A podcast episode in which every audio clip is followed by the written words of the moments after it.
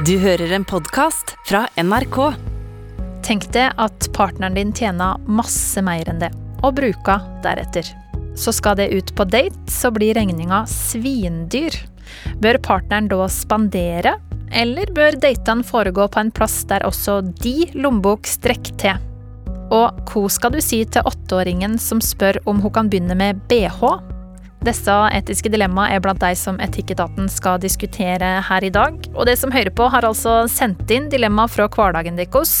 Og i dag så sitter denne gjengen i panelet. Makeupartist Erlend Elias, komiker Erlend Osnes og psykologiforsker Beate Higen. Jeg heter Kjersti Anderdal Bakken, og det her, det er Etikketaten.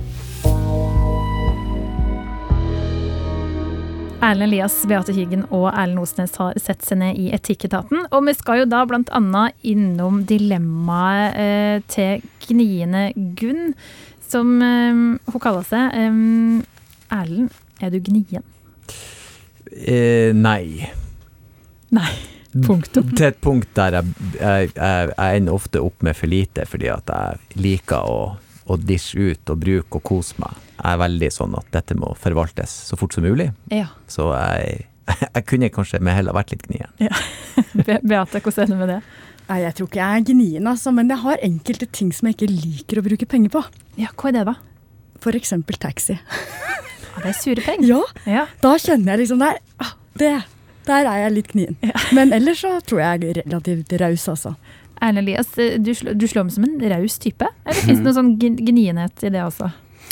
Eh, nei, ikke når det gjelder å liksom være med andre og ja, spandere taxi og drinker og gaver og alt mulig sånne ting. Men hvis jeg skal være liksom ute og handle ting til meg sjøl, eh, sånn som sko og sånn, så, så er jeg veldig sånn Nei, trenger jeg så dyre sko? Men får jeg kjøpt Louis Vuitton-sjef, så tenker jeg ikke på det. Så det er bare helt sånn idiotisk. Det blir noe helt annet. Ja. Ja, men gode sko som man egentlig trenger, der er jeg gnien. Ja, riktig. Ok. Eh, litt variasjon i panelet der, eh, altså. Eh, men vi må bli litt mer kjent med dere enn en det her. Erlend, kan ikke du si kort hvem du er? Ja, jeg heter Erlend Osnes, er komiker, eh, kommer fra og bor i Bodø. Eh, Gift, tre barn og eh, relativt glad i livet. Ja. Vi pleier å spørre eh, hvordan livssyn folk har. Eh, hvordan er det for din del? For jeg ser på plakaten på den kommende turneen din, så er det englevinger og det er sånn djevelgaffel og greier. Mm. Er, det, er det himmel og helvete i ditt eh, livssyn, eller? Det er varierende. Eh, Jeg er ganske sånn tøff i nebbet på at jeg er ateist, og det er over når det er over, helt til noen liksom eh, spør meg eh, ja, tror du virkelig det? Og så tenker jeg det er jo litt kjipt, altså. Kanskje jeg har kryssa fingrene for at jeg slipper inn en plass etterpå. Så jeg er flakkende. Det kommer an på dagsformen. Ja. og hvordan er det i dag? Nei, i dag eh, altså Bodø-Glimt har nettopp blitt seriemester for andre gang, så jeg tror jo på mirakler og det meste nå for tida. Så Ja. jeg er veldig fornøyd. Tror på mirakler Noen vil meg godt for tida. ja, Det er veldig fint. Eh, Beate Hygen, eh, du forsker altså på eh, barns utvikling, noe som jeg tror kommer veldig godt med i Etikketaten i dag. Eh, men hvor forsker du på akkurat nå? Du, De siste årene så har jeg forska på, på gaming, rett og slett. Eh, alt som har med spilling å gjøre. Eh, barn, da. Primært. Barn og ungdom. Mhm. Gamer du sjøl, da, eller? Eh, Jeg gjør det lite grann. Jeg syns jo det er litt viktig når det er et felt jeg forsker på, så må jeg også kunne litt om mekanismen av de siste spilla, og hva som appellerer og ikke, og Ja. Så jeg tester ut litt, da. Ja. Mhm. Gøy jobb, da. Ja, det er morsomt. Veldig, jeg liker det veldig, veldig godt, altså. Mm. Og uh, hvordan er det med ditt eh, livssyn? Er det himmel og helvete? Du, jeg kjente meg veldig igjen i svaret ditt, jeg. jeg kjenner jo at jeg er jo veldig vitenskapelig retta, eh, så jeg syns jo det er vanskelig på en måte å tro. eh, Men samtidig så tenker jeg jo at de som gjør det, det, er, det må være en sånn veldig god Da har man alltid en trøst hvis livet butter imot, eller ja. Mm. Så jeg, jeg kjenner meg Ja. litt igjen i ditt svar, egentlig. Jeg. Men jeg kjenner liksom, uff, jeg syns det er litt, van litt vanskelig, det der. Ja, det er det. Eh, Erlend Elias, altså det er sikkert mange som kjenner det fra før. Men du har en litt sånn ukjent side òg, fordi du jobber i Kirkens Bymisjon. Jeg har vært så heldig å få et år eh, der jeg har jobba med barn og ungdom, og eh, det har fokus på selvtillit og inkludering. Jeg tenker at vi må alle lære å være litt snillere med hverandre, selv om vi kanskje ser annerledes ut, tenker annerledes og føles annerledes, så må vi inkludere hverandre. Mm. Vil det si at du da er kristen, eller hvordan er det? Ja, eh, jeg er jo det. Og jeg, sånn som når jeg reiser rundt og har show eller foredrag, så har jeg jo veldig mye fokus på meg sjøl og prater mye om meg sjøl. Og da forteller jeg veldig ofte at jeg har jo vokst opp med en bestefar. Og han var jo kristen. Og jeg lærte jo Fader vår, og vi gikk i kirka, og det er på en måte For meg så er kristendommen noe utrolig sånn trygt, varmt og godt. Så for meg er det veldig sånn glede, og jeg og nå når jeg mista pappa og sånne ting, så er det blitt ekstra viktig for meg å ha den tryggheten i troen at det er noen ting etterpå. For eh, jeg orker ikke å tenke at det bare er slutt. Tenk, vi møtes igjen. Ja. Det er en fin tanke som jeg tror det andre her misunner deg. ikke sant? Ja. Det hadde vært fint hvis man hadde trodd det, ja. ja. Ikke sant. Det hadde det. Så, Ja, men jeg tenker at hvis man ikke tror det, så, så blir jeg sånn, Pappa trodde jo ikke det, han lå jo på dødsleiet, og, mm. og da Jeg holdt jo på til helt det siste. Bare Du må tru, så at du kommer inn! Eh. Så ja, jeg håper jo at han valgte å banke på porten. Ja. Um, ja. Vanskelig å gå videre fra det her. Et fint, og sterkt bilde, Erlend Elias. Men eh, målet var å bli litt mer kjent med å stille det her trusspørsmålet. Og det funker liksom hver gang. En får liksom nye perspektiv på folk eh, ved å spørre hva tror du på. Eh, Men nå så skal man altså inn i det her etiske dilemmaet i Etikketaten. Og hvis du som hører på sitter og kjenner på at du står i et dilemma i hverdagen som du vil ha Etikketaten sine råd rundt, så må du veldig gjerne sende oss en e-post. Da er adressa etikketaten krøllalfa nrk.no. Erlend Elias, Erlend Osnes og Beate Hyggen sitter altså i panelet her i dag. Og det her er første dilemma kommer fra ei som kaller seg altså Gniende Gunn. Hun skriver Hei, Etikketaten. Jeg skulle gjerne hørt hva dere tenker om det her pengeproblemet. Samboeren min tjener masse mer enn meg, men vi deler alle utgifter likt. Strøm, huslån, mat osv. Det her er jo litt irriterende i seg sjøl, men han bruker òg masse mer penger fra felleskontoen, som vi setter like masse inn på, enn meg. For der jeg droppa forretten, kjører han full pakke, for å si det sånn. Jeg prøver å være nøktern, mens han går for gourmet, og sånn er det stort sett på alle områder. Og han har jo egentlig råd til det, men for min del så forsvinner omtrent all lønn hvor eneste måned.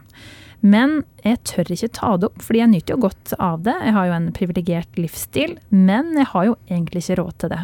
Og jeg vil ikke framstå som en gnier heller. Jeg er gnien og kjipt når jeg syns det er urettferdig at han legger opp til en livsstil som jeg og lommeboka mi syns er for dyr. Helsing gniende Gunn.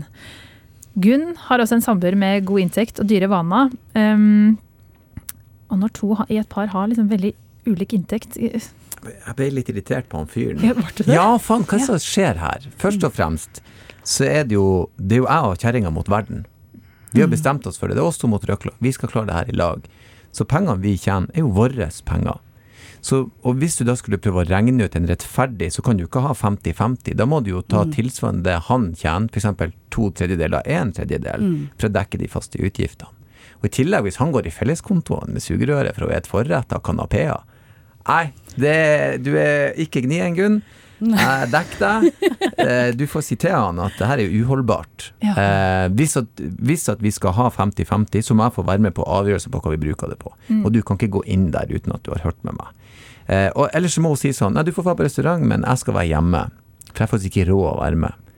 Og han må jo ta med, han må jo spandere på, på, på sin bedre halvdel. Men jeg tenker jo, Mange og jeg, det som jeg tenker litt på, da, for å bare kaste meg på, for jeg er veldig enig med deg, Mm. at uh, hvis, han, hvis de deler likt, så betyr det jo at han alltid vil sitte igjen med en god slump med penger, han, Mm. når måneden er slutt.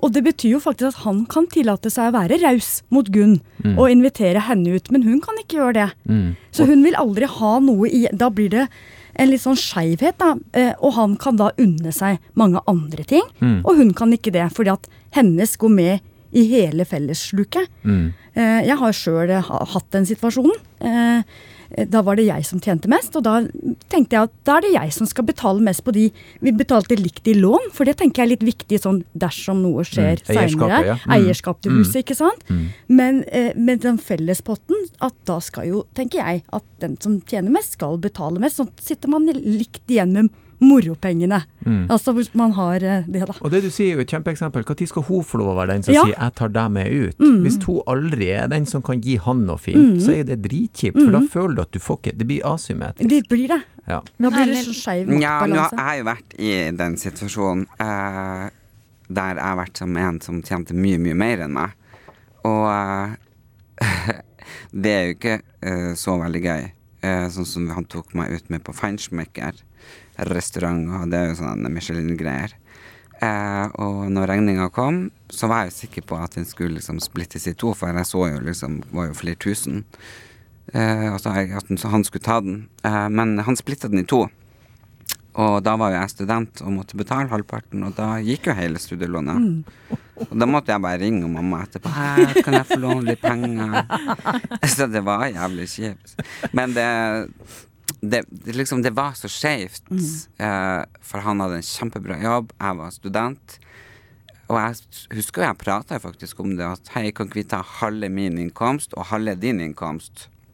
For da har jo på en måte vi delt uh, likt. Jeg har tatt halvparten av det jeg har, du har tatt halvparten av det du har, og så legger vi det i en pott. For du, da taper man jo 50% hver. Men eh, det falt jo ikke så god jord. Så det var masse sånne kranglinger. For han hadde jo uvan, eller vaner da, som jeg ikke kunne være med på, som var altfor dyr. Men vil du da i den situasjonen bli spandert på? Eh, Nei, fordi at han neste kjæresten som jeg fikk, eh, der tjente jo jeg mye, mye mer. Eh, og da endte jo For da tenkte jeg at ha, skal i hvert fall ikke oppleve det som jeg opplevde. Så da spanderte jeg alt.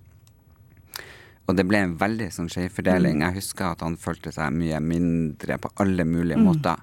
Uh, og jeg ble nesten litt sånn, uten at jeg ville, litt sånn sjefete. Jeg bare Nei, nå gjør vi det her. Jeg som har betalt. Hallo, hør her. Uh, så det er veldig, veldig vanskelig. Så min sånn klare mål må være det der som jeg sa til min første kjæreste. Ta 50% Hvis du har 10 000, så er du 5000. Har du 100 000, så er du 50 000. For da har du jo gitt 50 Og mer rettferdig enn det kan det jo ikke bli. Så bruk det felleskortet aktivt, da. Eh, og, og ikke tenk på hvem som spanderer inn på den felleskontoen. Nei, jeg tenkte, da gjør du jo, hvis du er sammen og dere elsker hverandre, og gir, så gir man halvparten av det man har, og så bruker man det. Ja.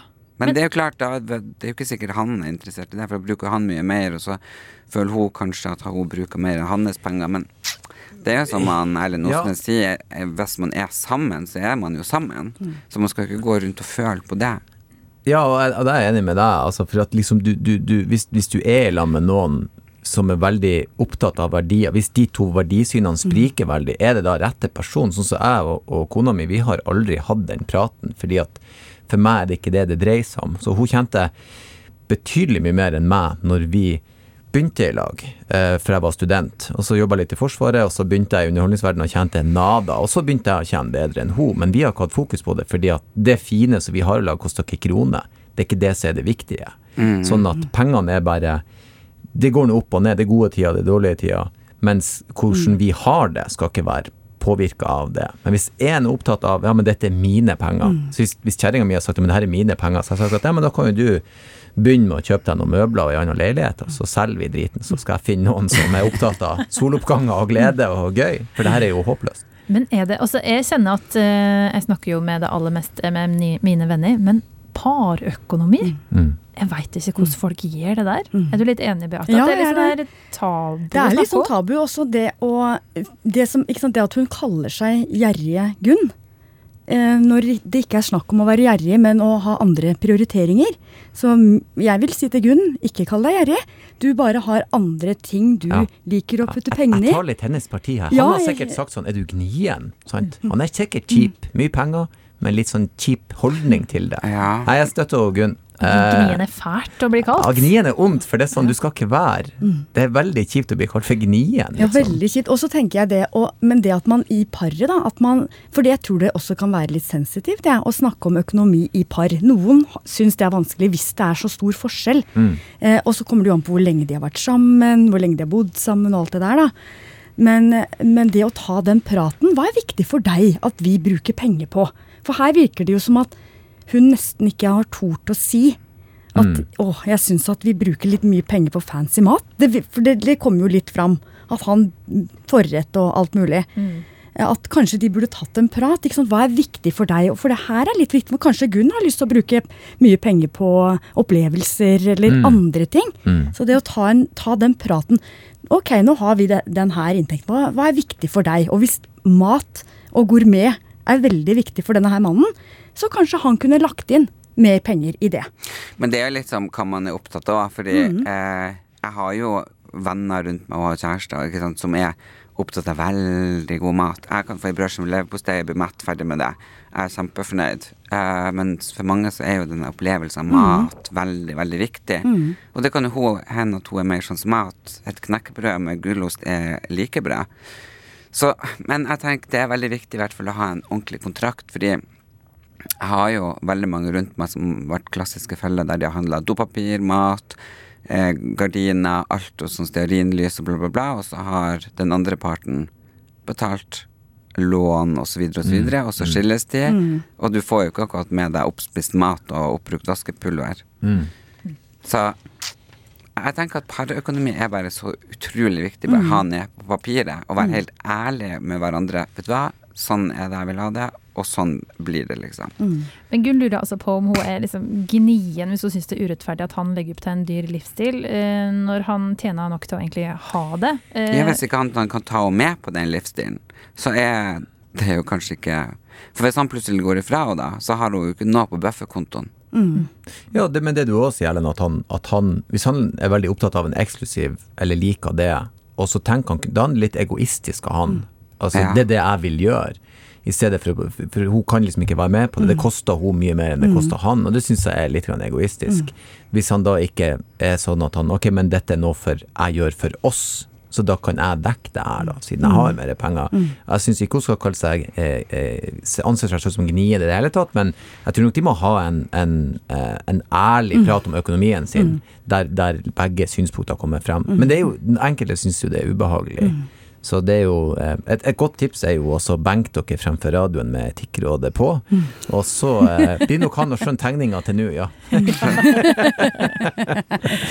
Gniende Gunn, som du har kalt det sjøl. Altså, du har fått Etikketaten sin tillatelse til å stryke navnet Gnien, hva man vil kunne si. Eh, Du har altså en mann som tjener masse mer enn det. Eh, Har kanskje skapt et bilde til at han er litt egoistisk her nå, Mm. men det trenger han jo ikke nødvendigvis være. Eh, Vi håper jo at han er raus, sånn at han kan spandere på det, så du kan innta denne kan, livsstilen her. kan jo hende at hun har bare vært med han på reisa hele veien uten å ha sagt noe, Mm, så han nettopp. føler liksom ikke at han har gjort noe galt. Men sånn som Ellen Elias også sa, at hvis du er den som betaler, så blir du litt sjefete. Det skjer med alle oss mennesker. Hvis vi får bestemme, så bestemmer vi. Og det er kanskje ei side så han blir glad for å bli bevisstgjort på at du tar ikke det hensynet. Det er ikke sikkert han ser det sånn engang. Kanskje han ser på det som at å, hvor vi koser oss, jeg og Gunn. Det er jo fantastisk. Men så har ikke han helt sett den sida. Og det kan man jo gjerne gjøre noen oppmerksom på. At ok, hør nå her, sånn er du når det kommer til dette. Så det kan jo gjøre han en tjeneste. Så høres ut som, eh, i rettferdighetens navn, at han burde bidra mer på denne felleskontoen, så ikke du føler at du blir liksom påspandert. Fordi den felleskontoen den skal begge eh, nyte godt av. Han skal ikke sitte med sugerøret sitt og ete kanapea, som, eh, som Erlend snakka om her. Nei, og så tenker jeg det der med at hun ikke, for som hun sa, sånn som jeg mener å huske at det sto, da, at eh, hun ikke har noe igjen. Ikke sant? Det tar alle hennes penger, og det gjør det nødvendigvis ikke til denne mannen, når de bidrar likt. Mm. Eh, og da sitter jo hun igjen uten å ha noen ting hun da på sin egen. For alt går til den her dyre maten. Men han kan jo kanskje i tillegg unne seg andre ting, fordi at han har bedre råd. Ja. Og da blir det en jeg, jeg tror det er så viktig i et parforhold at man har likevekt. Ikke sant? Og det blir det jo ikke hvis han er den som da, når hennes penger er slutt, så kan han spandere og, og handle til henne og være raus. For den får ikke hun da, Mm. siden pengene hennes tar slutt. Så det her handler ikke om gnienhet, det her handler om eh, rettferdighet, egentlig. Ja. Og det høres ut som hun har et eh, godt grunnlag til å bli kjent med verdiene deres eh, i større grad. Så lykke til med den samtalen der. Du har full backing. fra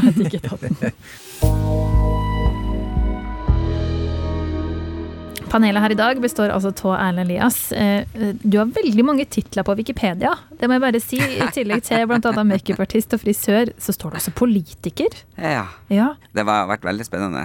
enn det. Smaker litt på politikerlivet. Ja. Ja. Um, og så har vi med eh, Erlend Osnes, som er komiker og TV-fjes, radiostemme. Litt ymse på det også. Ja, litt forskjellig der. Ja. Podkaster, TV-fjes, tidvis radio, underholder. Ikke sant? Ja, standup-komiker. Litt tilbake på hjemmebane nå i radiostudioet, eller? Ja, veldig godt å være tilbake igjen. Ja. Det er veldig fint å være i radio. Det har jeg alltid satt pris på. Så. Bra. Godt. Eh, og så er det altså Beate Hygen, forsker, har doktorgrad i psykologi. Forsker på barns utvikling, bl.a. blant annet. Og det passer veldig fint når vi nå skal inn i en småbarnsfamilie. Eh, det er nemlig Ingvild som skriver det her til oss på e-post. Etikketaten krøllalfa nrk.no. Hei, jeg heter Ingvild og er mor i en superlykkelig og helt perfekt familie som består av meg, pappa Jonas og våre tre barn. Nei da, vi er ikke perfekte, men det kan se litt sånn ut på sosiale medier. Fordi pappa Jonas han er nemlig veldig aktiv med å legge ut bilder på Facebook og Instagram av det som framstår som vår hverdag. Det ser ut som vi lever i et eh, glansbilde der alt er bare velstand, ungene de er bestevenner, vi baker brød, lager avanserte og sunne middager mens vi smiler over grytene, og huset er alltid rent og ryddig. Sånn er det selvsagt ikke i virkeligheten, men jeg merker at bilder som blir lagt ut ca. fem ganger i viku, danner et inntrykk hos folk rundt meg om at det er sånn vi lever. Og jeg merker at det her imaget som Jonas lager på sosiale medier, gjør at de rundt meg distanserer seg fra meg. Når jeg foreslår for Jonas å legge ut bilder av den rotete stua, eller når vi sitter alene rundt middagsbordet fordi ungene nekta å sitte stille, så bare ler han det vekk, så det virker egentlig helt uaktuelt. Hvordan kan jeg få det glansbildet her til å bli mer realistisk? Helsing Ingvild. Og jeg, det første jeg tenker eh, eh, Hva var det hun het? Ingvild? Ja. Ingvild, jeg syns at hver gang Jonas eh, poster et bilde, så legger du ut eh, hvordan det egentlig var. Sånn motkonto. ja, da legger du enten under bildet hans, så legger du behind the scenes-bilder. Ja. når dere har lagt ut bakverket, så legger du ut hvor rotete det var på, på benken. Vipper ikke til litt konflikt der, eller? Det er muligens, men det er, noe, det er jo sånn at i sosial, sosiale medier så legger man jo ut glansbildet.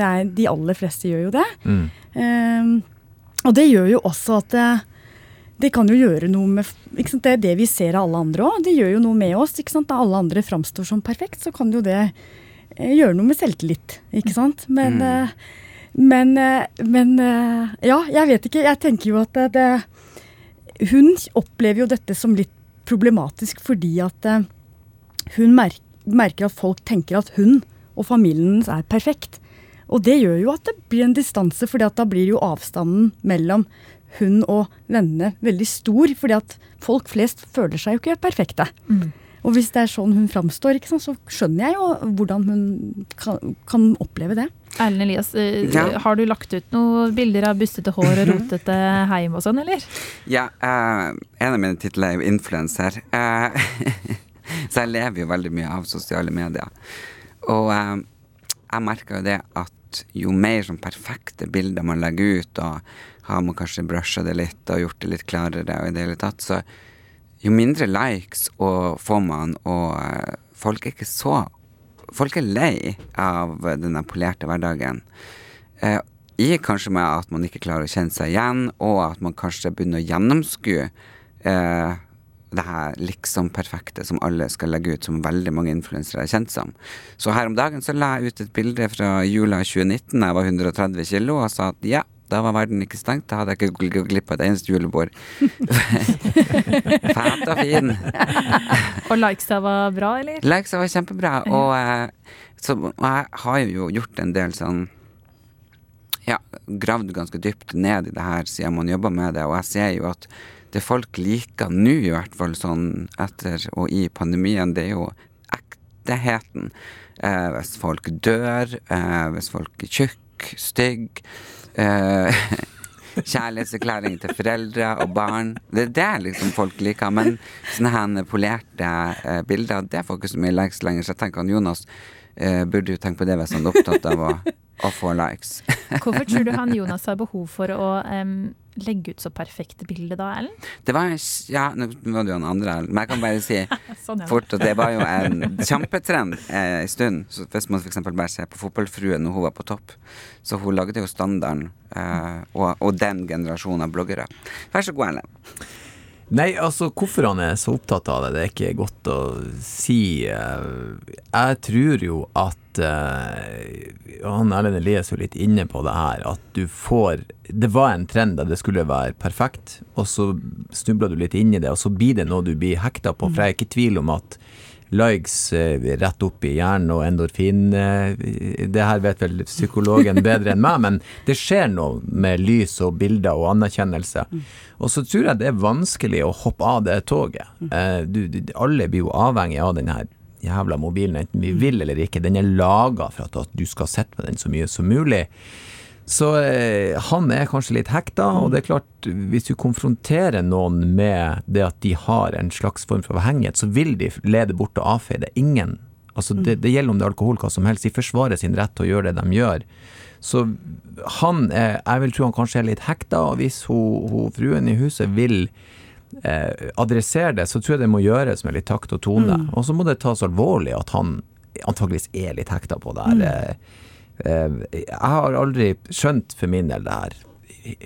Min Instagram er en speiling av det jeg gjør. Så det er luebilder, og jeg la ut en gang jeg hadde frosna is i barten. Det så ut som det var snørr. Det syns jeg var gøy, så jeg la det ut. Ja, det Fordi fikk jeg på øyenvippene her om dagen. Ja, sant, og det er gøy, så det, ja, det ler man av. Så jeg har aldri tenkt det i baner, men jeg kan godt skjønne at du blir superhekta. Så, så for de som blir fanga i den, da tror jeg du må ha litt takt og tone. Du kan ikke bare si det er så tåpelig. Nei, det blir liksom en sånn ytre anerkjennelse på at andre ser, ser deg, på en måte.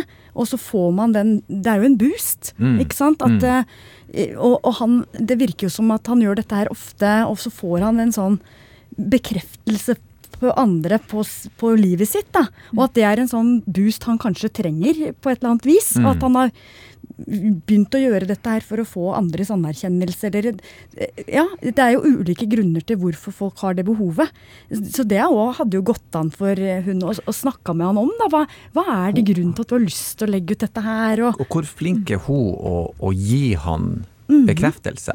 Du er en bra far, du er kjekk, jeg finner deg enda tiltrekkende. Du, altså, hva, hva booster hun han med? Er det en grunn til at han går på den lille Mhm. Ja, for det er det jeg sitter og tenker. Hva er grunnen til at du har det, og så hvorfor skal det se så bra ut? Ja. Ikke sant? Hva Men det er kan jo hende at han er veldig, veldig stolt Ikke sant, det eh, kan over være det. Ja dem, og han syns det, han har Mhm. den vakreste kona, vakreste hjemmet, vakreste barna, og så bare har han lyst å mm. vise det, ikke sant? Og så da selvfølgelig oppstilt, og så kan han være interessert, for kanskje han jobber med noe helt annet, og så syns han det er en artig hobby. Mm. Så det trenger ikke bare være negativt. Absolutt ikke. Men hvis han vil fortsette å legge ut eh, det her bildene, for det kan hun jo egentlig ikke nekte han, sjøl om hun kan prøve å eh, snakke om den her avhengigheten med han, men hvordan kan hun prøve å skape balanse? Fordi jeg skjønner jo at de rundt henne tenker Sjøl om vi blir jo liksom lurt til å tenke at å ja, det her er livet ditt. Ok. Men jeg tenker at hun må ta grep sjøl og lage, sånn som uh, dere sa i starten, lage sin egen Insta-konto. Eh, for det er jo liksom Hun skal jo ikke bare Jo, men la seg flyte med han. Hun trenger jo ikke liksom å ta masse bilder, bare masse rot og drit, men i hvert fall sitt liv slik hun ser det. Men jeg, jeg, jeg tror aldri en, en parterapeut vil si at det du må gjøre, er å speile hans dårlige oppførsel og gjøre det motsatte. Jeg tror, jeg tror ikke det er løsninga. Jeg, jeg, jeg tror det kan skape litt avstand. Eh, en annen ting er jo at hun kan jo La det nå være, som han Erlend Elias sier, la det nå være hans greie, da. Hvis han liker det. Det er en hobby. Og hvis folk distanserer seg fra henne, så må jo hun Ja, hva sier jeg til de folkene, da? Det er bare å si at nei, han liker det. Eh, det er ikke noe problem, liksom. Og- men- Ja, men det var, jeg må bare slutte ned at det var jo ment litt som spøk at hun kunne. Men in, hvis, de har en, hvis hun tar en prat med han ikke sant? For at hun sier til han vet du hva, Jeg, jeg syns det er så flott at du er så stolt. Eller jeg syns Ja. det er så fint Ja. at du gjør dette her. Jeg ser at du har mye glede av det. Men for meg så jeg tror kommunikasjon er nøkkelen til det meste her i livet. Si at, men jeg kjenner at åh, det blir så Utad så ser vi så veldig perfekte ut, og jeg klarer ikke helt å kjenne meg igjen i den virkeligheten. Eh, hvordan, eh, hvordan kunne vi gjort det sånn at jeg ikke føler den store avstanden? Kunne jeg tulla litt med det, at jeg innimellom Mm. på disse bildene kunne lagt inn et bilde at hvordan eh, kjøkkenet så eh, var litt mer det jeg mente. Litt sånn, men snakke med han først, ikke gå i krig. Avtalt spel. Mm. Litt avtalt spill at Ja. kan vi gjøre litt artig ut av denne her kontoen? For jeg syns det er fint hvis du får glede ut av dette her, men for meg så blir det her litt sånn For hun sier jo at dette er jo et problem for henne. Men jeg er enig at det er jo hennes eh, greie òg, men allikevel, de, de er jo nå et par, de er nå en enhet, og de er en familie. Så det at hun kan ta opp med han hvordan det her oppleves for henne For det er ikke sikkert han tenker på det i det hele tatt. Det er kanskje som Erlend Elias sier, at han er kjempestolt. Han har lyst til å vise fram hvor fint han har det. Dette er hans eh, virkelighet, f.eks. Han har lyst til å vise den. Kanskje er det hennes usikkerheter her. Kanskje er det det. Kanskje hun ikke føler hun lever opp til det bildet han lager, at hun har dårlig selvtillit. Kanskje hun må up the game. Hun Ja. innser hvor bra hun er. Liksom. Her, er her er mange muligheter. Har hun gått den veien? Altså, hver stein må snues, tenker jeg. At liksom, ok, la oss nå prøve å tenke alle tankene ut. Og det var jeg, hun det, det er vel ikke bare han som rydder og vasker huset, og det er vel ikke han som kjøper alle klærne til barna og pynter de i. Så det er vel hun er jo med på det. Og så syns jeg det var et veldig godt poeng som Dikon eh, hadde, særlig du Erlend Elias, om at folk er lei det her. Eh, så eh, Ingvild, når du skal ta opp det her med mannen din om at kanskje han har en avhengighet, få han til å reflektere litt hvorfor han gjør det her, hva som er grunnen til at han vil legge ut det her perfekte bildet, så går det an å ymte frampå om at det her er litt sånn eh, 2015, eller hva? Ja. Begynn heller med TikTok. Ja. og TikTok. og så- og så må du ta det på alvor, som vi sagt her i Etikketaten. Eh, det kan faktisk hende at han har liksom kjørt seg fast i et spor, at han trenger litt sånn hjelp til å hoppe av det her eh, toget. Og gi han bekreftelse, da. Eh, Kanskje han har litt eh, dårlig sjøltillit. Eh, gir det klart at han er eh, den beste mannen her i hele verden, og eh, at du eh, elsker han så høyt som bare det. Og så er det jo lov å ha litt sånn avtalt spill og kanskje legge ut en sånt lite mot, eh, motbilde eller motargument en gang i tida, bare for å skape litt balanse i det her perfekte bildet som de kan ha på sosiale medier.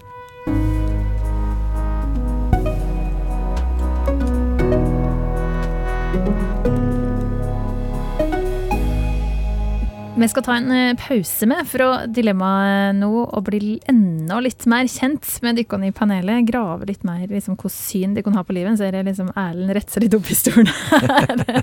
eh, gjengen som sitter her, er altså eh, Erlend eh, Rå fra eh, nei, Erlend Osnes med i Rå Osnes, som eh, har sagt allerede savner på radio. Mm.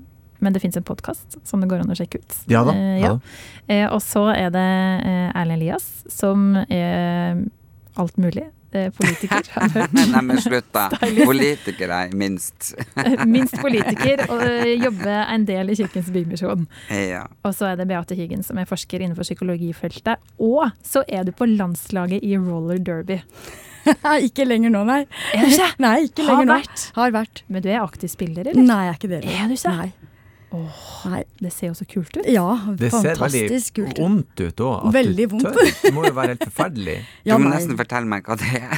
Du, det er en rulle... eh, Det er, det er rulleskøyter, lag, lagsport med rulleskøyter, hvor man har lov å ta hverandre ut. Da. Så det er liksom nesten litt sånn Ja, det er en fy- kontaktsport på rulleskøyter, rett og slett. Litt Så sånn slår dere hverandre ned. Det er ikke lov å slå, men det er jo lov å dytte.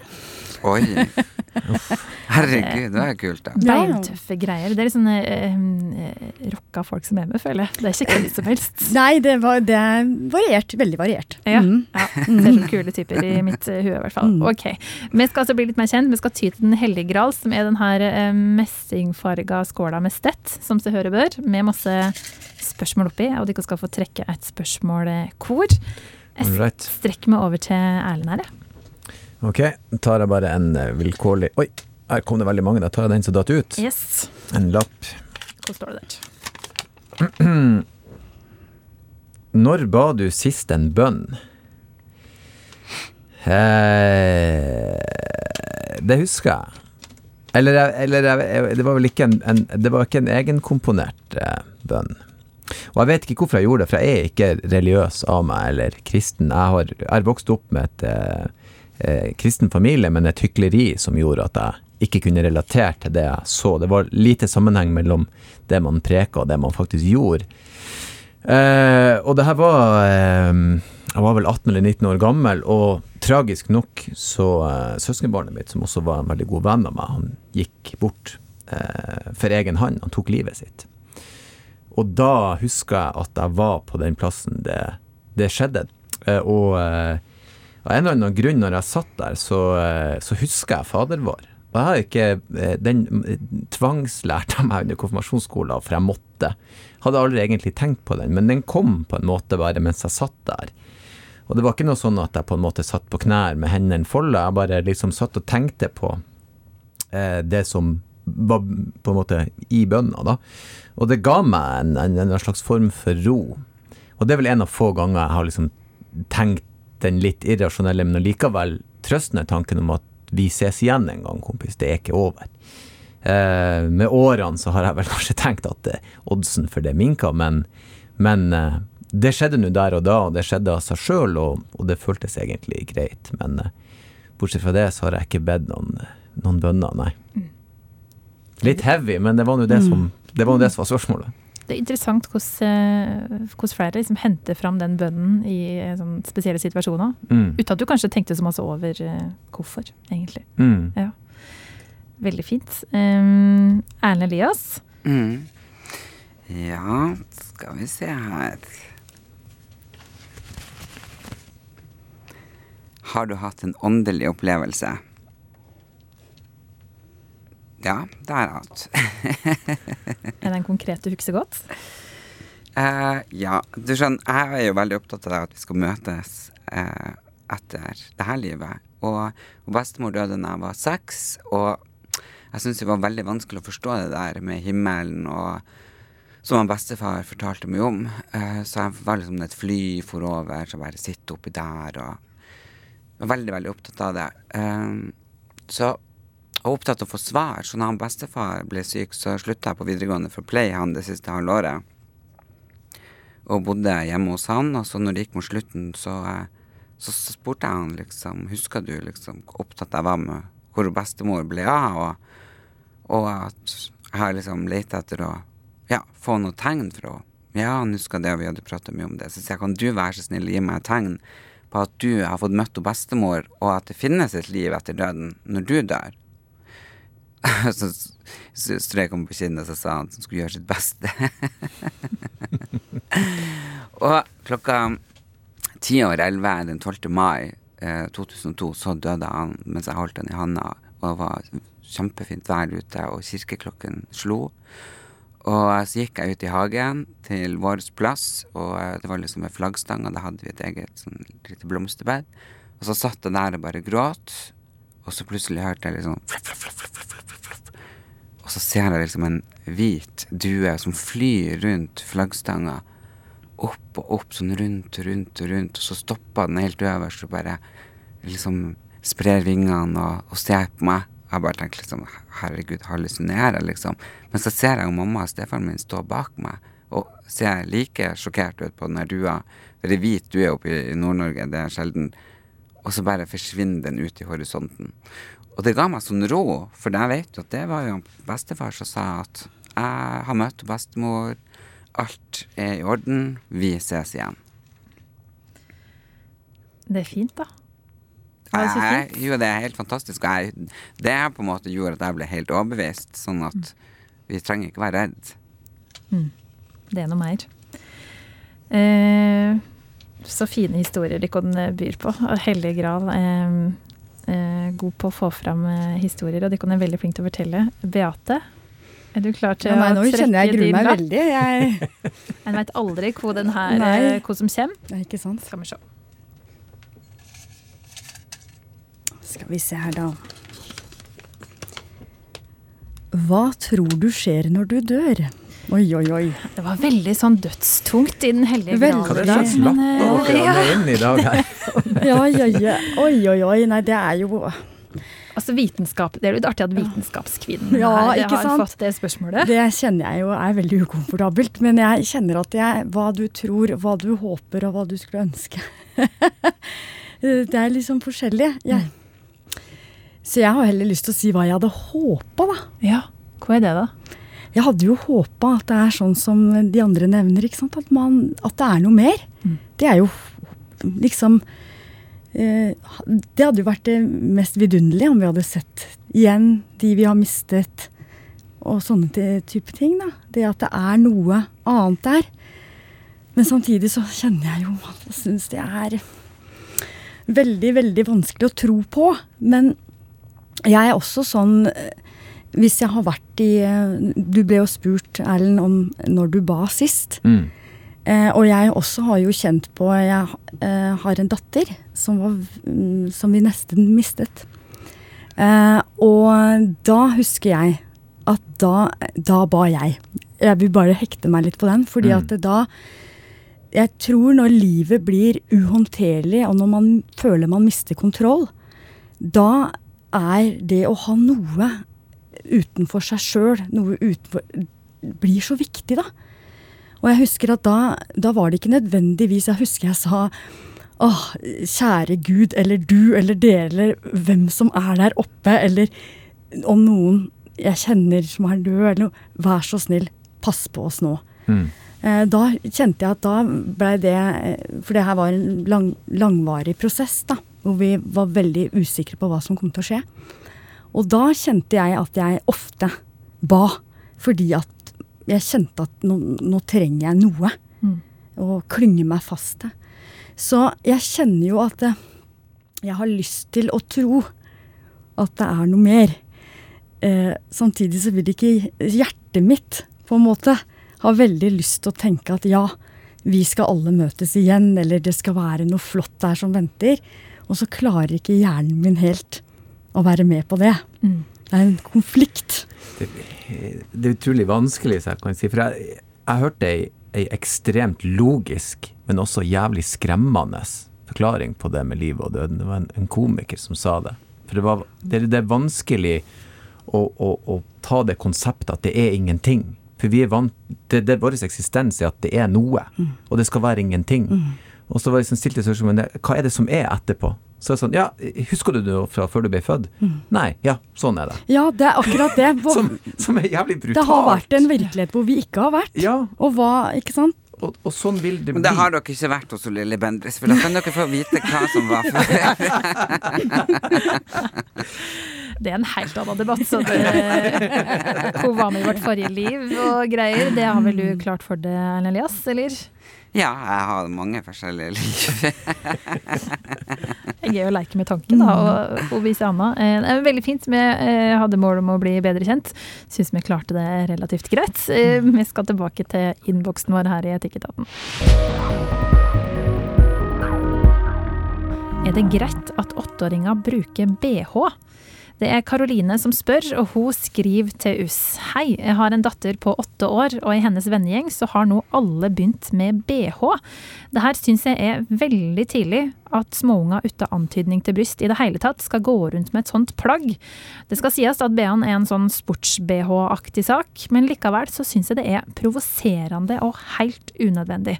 Dattera mi er av typen som står støtt i sine valg og ikke følger strømmen, men hva gjør jeg når hun en dag kommer hjem fra skolen og vil at jeg skal kjøpe bh til henne? Jeg vil jo ikke at hun skal havne utafor gjengen heller. Samtidig så virker det som at det å bruke bh handler om å være kul, men det er jo ikke det samme som å gå i slengbukse fordi alle andre i vennegjengen gjør det. Hva skal jeg gjøre? Skal jeg ta kampen mot bh-en, eller overbevise meg sjøl om at det her er en liten sak i den store sammenhengen? Helsing Karoline. Beate, du er mor til en jente. Hvor gammel er hun? Hun er eh, snart tolv.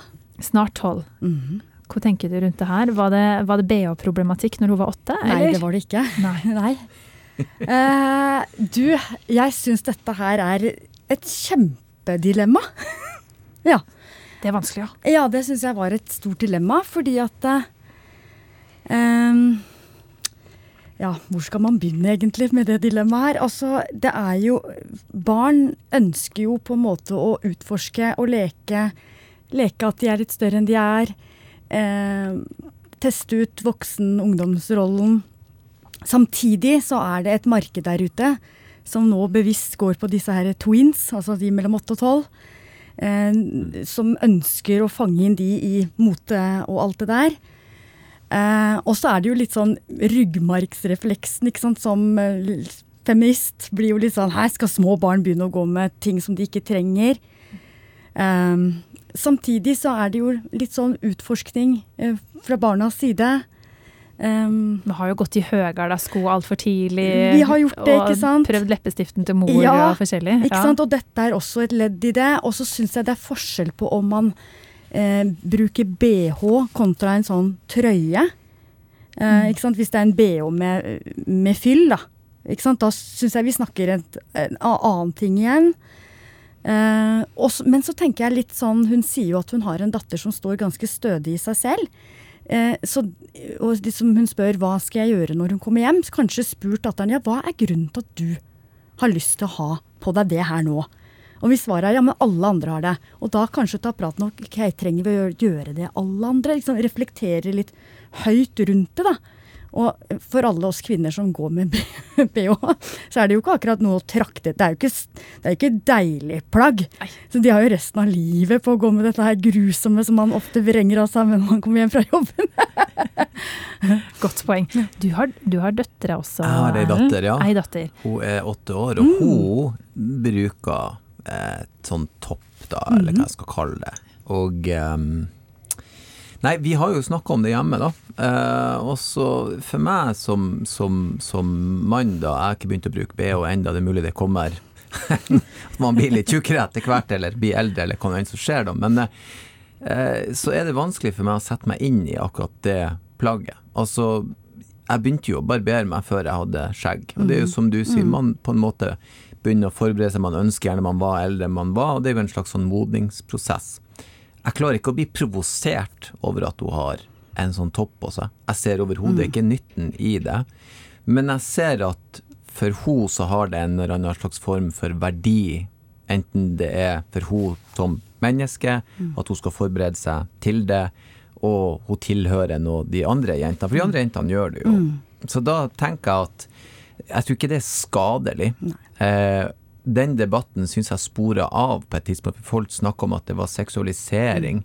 Men det er svært få, og det er spesielle mennesker som finner sånne Altså det er ingen som vil se det og tenke 'oi, det har ikke jeg sett før'. Det, så, så, den syns jeg var i avsporing. Så igjen, jeg klarer ikke å bli provosert av det. Jeg ser ikke nytten av det. Men det er ikke jeg som skal verken bli provosert eller se nytten av det. Det handler på slutten av dagen om dattera mi. Mm. Og hun er særdeles bestemt. Sånn at uh, jeg vet at den blir. sånn er det nå bare. Så, mm. så, hun har den. Vi har snakka om det. Vi har også snakka med henne om hva det er for noe. Mm. Og uh, når hun blir eldre, så vil jeg nok snakke mer med henne om det, hvilke signaler sender jeg ut. Mm. Det er ikke bare de du vil som mottar de signalene, alle gjør det. Mm. Men da må man på en måte være ærlig med ungene og snakke med de hele veien. Mm. Så, så, det var litt rart at det spørsmålet kom, for jeg liksom på en måte stått rett i det da. Mm. Så det er den lista vi har lagt oss på. Men eh, Erlend Elias, blir du provosert når du ser eh, butikker selge bitte små bikinier med bikinitopp til jenter, f.eks.? Eh, nå har jeg nesten vært stylist i 20 år eh, og fulgt trendene. Eh, og jeg ser jo eh, kjempemarkant endring på hvordan trendene for barn, da, små ungdommer, eh, har, har, blitt, eh, kontra når jeg starta. Da var det jo mye mer sånn barnslige klær, og de er blitt mer sånn eh, voksen. Eh, det er liksom blitt sånn små kopier av voksenklær. Det syns jeg jo på en måte var veldig kult. Og så ble jeg onkel, hun er jo tolv nå, og jeg kjøpte jo masse sånne miniskjørt og korte topper med dill og dall, og ga ei gave. Og søstera mi ble fly og er jo lærer, og litt annerledes enn meg, og da hadde vi den praten. For hun syns jo, og fortalte meg, at vi var jo så heldige når vi var unge. Uh, og nå er jo jeg og Osnes kanskje like gammel, jeg vet ikke hvor gammel dere resten av panelet, men jeg er i hvert født i 82. Og vi var jo veldig heldige å få lov å være barn. Uh, og det var jo veldig barnslige klær. Og når jeg starta som stylist, var det jo fortsatt det. Og det søstera mi liksom gjorde meg litt oppmerksom på, det der var at nå får jo ikke ungene lov å være unger så veldig lenge. De slutta jo å leke med dukker når de er liksom seks. Det er bare sånn toff, ferdig. Så de blir sånn utrolig fort mye mer voksen enn det vi var. Og eh, det var en sånn aha-opplevelse, for da begynte jeg liksom å se rundt meg på ungene til vennene mine rundt meg, og de som jeg er onkel til, og tenkte liksom shit, det er faktisk sant.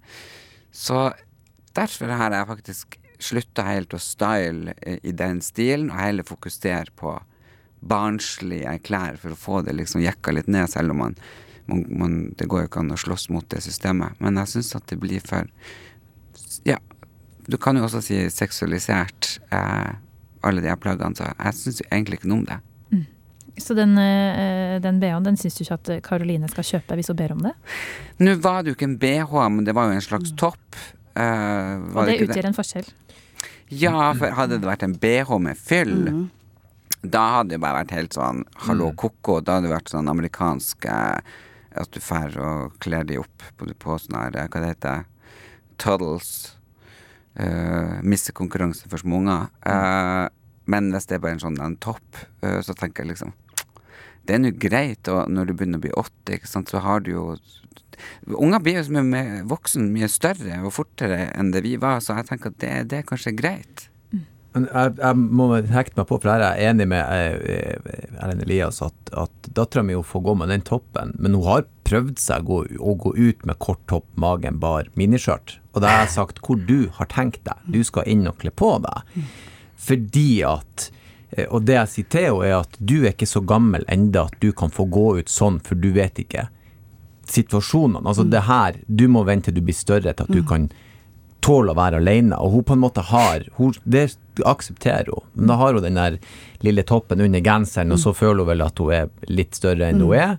Eh, og det er greit. Men noen miniskjørt sånn, det er bare å glemme. Men det gjør hun og jentene. De, de, det er veldig tett, og det er kort. Og det gjør de jentene som er 9-11 år òg. Men de får leke opp på rommet, greit. Men kle på deg når du skal ut. Og så kan vi ha den praten når du begynner å skjønne hva du signaliserer. Så der føler jeg det må være et skille. Altså miniskjørt, det har jeg sagt, det skjer ikke. Og så trenger jo altså eh, psykologiforskeren her eh, Barn trenger jo grensesetting mm. også. Mm. Eh, Det blir jo også stadig snakk om at ungene er sjefene i heimen. Mm. Ja, ikke sant? Ja, og barn er man, ikke sant? Absolutt. Det, er, det, er jo, det gir jo trygghet å ha klare og tydelige grenser hjemmefra. Det er jo noe som man, Mange har sterke viljer og vil gjøre mye, men det er noe med å ha de tydelige grensene, da. Mm. Men der må kanskje settes i lag med de andre foreldrene, eller hva tenker du, eh, Erlend? Ja eh, Klarer du å liksom si til åtteåringen at nei, du får ikke sjøl om alle andre får? Jo, men det vi har brukt å gjøre, er at jeg bruker å ha eh, eh, De får ha alle vennene hos oss, som er stress, men da får jeg se hvem henger de med. Da får jeg hilse på foreldrene deres, jeg får snakka med de, og så får man henta ut litt info på hva går og ikke går. Så når dattera mi sier at den de får lov, så sier jeg nei, det gjør de ikke. For jeg har snakka med foreldrene. Du lurer ikke meg, jeg brukte den jeg sjøl, de får lov, når jeg var liten. Så snakk i lag, bli enige om en, en For de aller fleste mener sånn cirka det samme. Eh, og og eh, eh, at man kan bli enig. Og så tror jeg det, det er viktig å si til ungene at eh, ok, du får lov til denne toppen, men det skjørtet glemmer du. For da får de en opplevelse av at de blir hørt, ikke sant. Jeg får lov til noe av det, men ikke alt. Og da er vi inne på den grensesettinga. For eh, eh, alternativet er jo nesten verre når det er barn i pubertet så, så voksne at de snart burde ha begynt å kle seg litt annerledes. At du begynner å tenke her er det noe nesten den andre veien. Så du kan ikke skjerme dem for alt, men du kan prøve å gi dem liksom verktøy underveis på hva er galt og ikke galt. De må jo også lære seg hvordan jeg meg til gitte anledninger. Du kan være 17 år og ha kort magetopp, men hvis du skal søke på jobb, så kanskje du har skjønt at du må kle deg annerledes. Så alt det der er jo ting du må putte inn i ungene dine. Så jeg tror dialog er viktig. Jeg har veldig, jeg i hvert fall det veldig mye hjemme. At vi tar opp ting. Ikke sant? Nå har det her skjedd, hva tenker du om det? Hvordan ville du reagert hvis det her skjedde? Hva, øh, hvor står du i forhold til det her nå? Eh, og det, det tenker jeg med hun eh, som, har den, som, som tok opp dette spørsmålet. Ja, Karoline. Ja, Karoline, ikke sant, som sier at hun har en datter som faktisk står litt imot. Det å si ok, hva tenker du om dette her nå? Hvorfor vil du egentlig ha den BH-en? Er det bare for at alle de andre har det? Har du egentlig lyst til å gå Eller syns du det er spennende? Og hvis det er at hun også syns det er spennende, så ja, men kanskje du skal prøve litt, da. Jeg tror at Ved å høre på det her, så har Karoline fått uh, masse mer sjøltillit i å sette grenser. Og uh, også uh, godt initiativ til å skape masse refleksjon rundt bordet. Som to like menn. Og, spørsmålet er altså hvorfor, hvorfor vil du det her, datter på åtte år? hvordan som er grunnen til at du vil ha denne BH-en? Og så er det tydelig at er det snakk om BH med fyll, så er det et helt annet spørsmål ja. enn mm, den her toppen som Erlend har godkjent på sin mm. heimebane. Eh, for da er vi over på seksualiseringsdebatten, men det er altså mm. beskrives som en sånn sports-BH-aktig mm. greie, som jeg antar at det ikke er det. Eh, det her er jo en del av en modningsprosess. Mm. Må du ta med det inn i det her hvis det ender opp med at, eh, at ungen din vil ha den her eh, sports-BH-aktige saken. Men så er det fint å ta med seg også da, at unger skal være unger. Helst eh, en god stund Så lenge fremover. som mulig, for det voksenlivet er langt! Ja. Og der var det tid for å stenge dørene til Etikketaten eh, for i dag. Stylist og TZ ved Kirkens Bymisjon, Erlend Elias, forsker i psykologi ved NTNU Samfunnsforskning, Beate Hygen, og komiker Erlend Osnes, tusen takk for tankene deres. Neste uke så er vi altså tilbake med tre andre kloke folk som gir deg råd om hvordan du kan løse etiske dilemmaer fra hverdagen din. Så hvis du har et dilemma til oss, så må du gjerne skrive det til oss på e-post til etikketaten krøllalfa nrk.no. Jeg heter Kjersti Anderdal Bakken, og husk da at du kan høre Etikketaten hvor torsdag klokka tolv i NRK P2, og når som helst i podkastform i appen NRK Radio med høyrest. Du har hørt en podkast fra NRK. De nyeste episodene hører du først i appen NRK Radio. En podkast fra NRK. Hva tenker du når jeg sier Nav? Ser jeg en konvolutt med Nav på, da blir jeg sliten. Jeg heter Marit Evertsen Grimstad, og jeg har laget en podkast som tar deg med på innsiden av Norges mest utskjelte system, Nav. Det er veldig mye hjerte og varme i Nav. Jeg prøver å forstå hvordan Nav fungerer, både for brukere og de som jobber der. Dette er veldig sånn taushetsbelagt. Hvorfor er det så mye bråk og misnøye med Nav? Hva er det egentlig som skjer der? Og velkommen til Nav. Podkasten På innsiden av Nav hører du først i appen NRK Radio.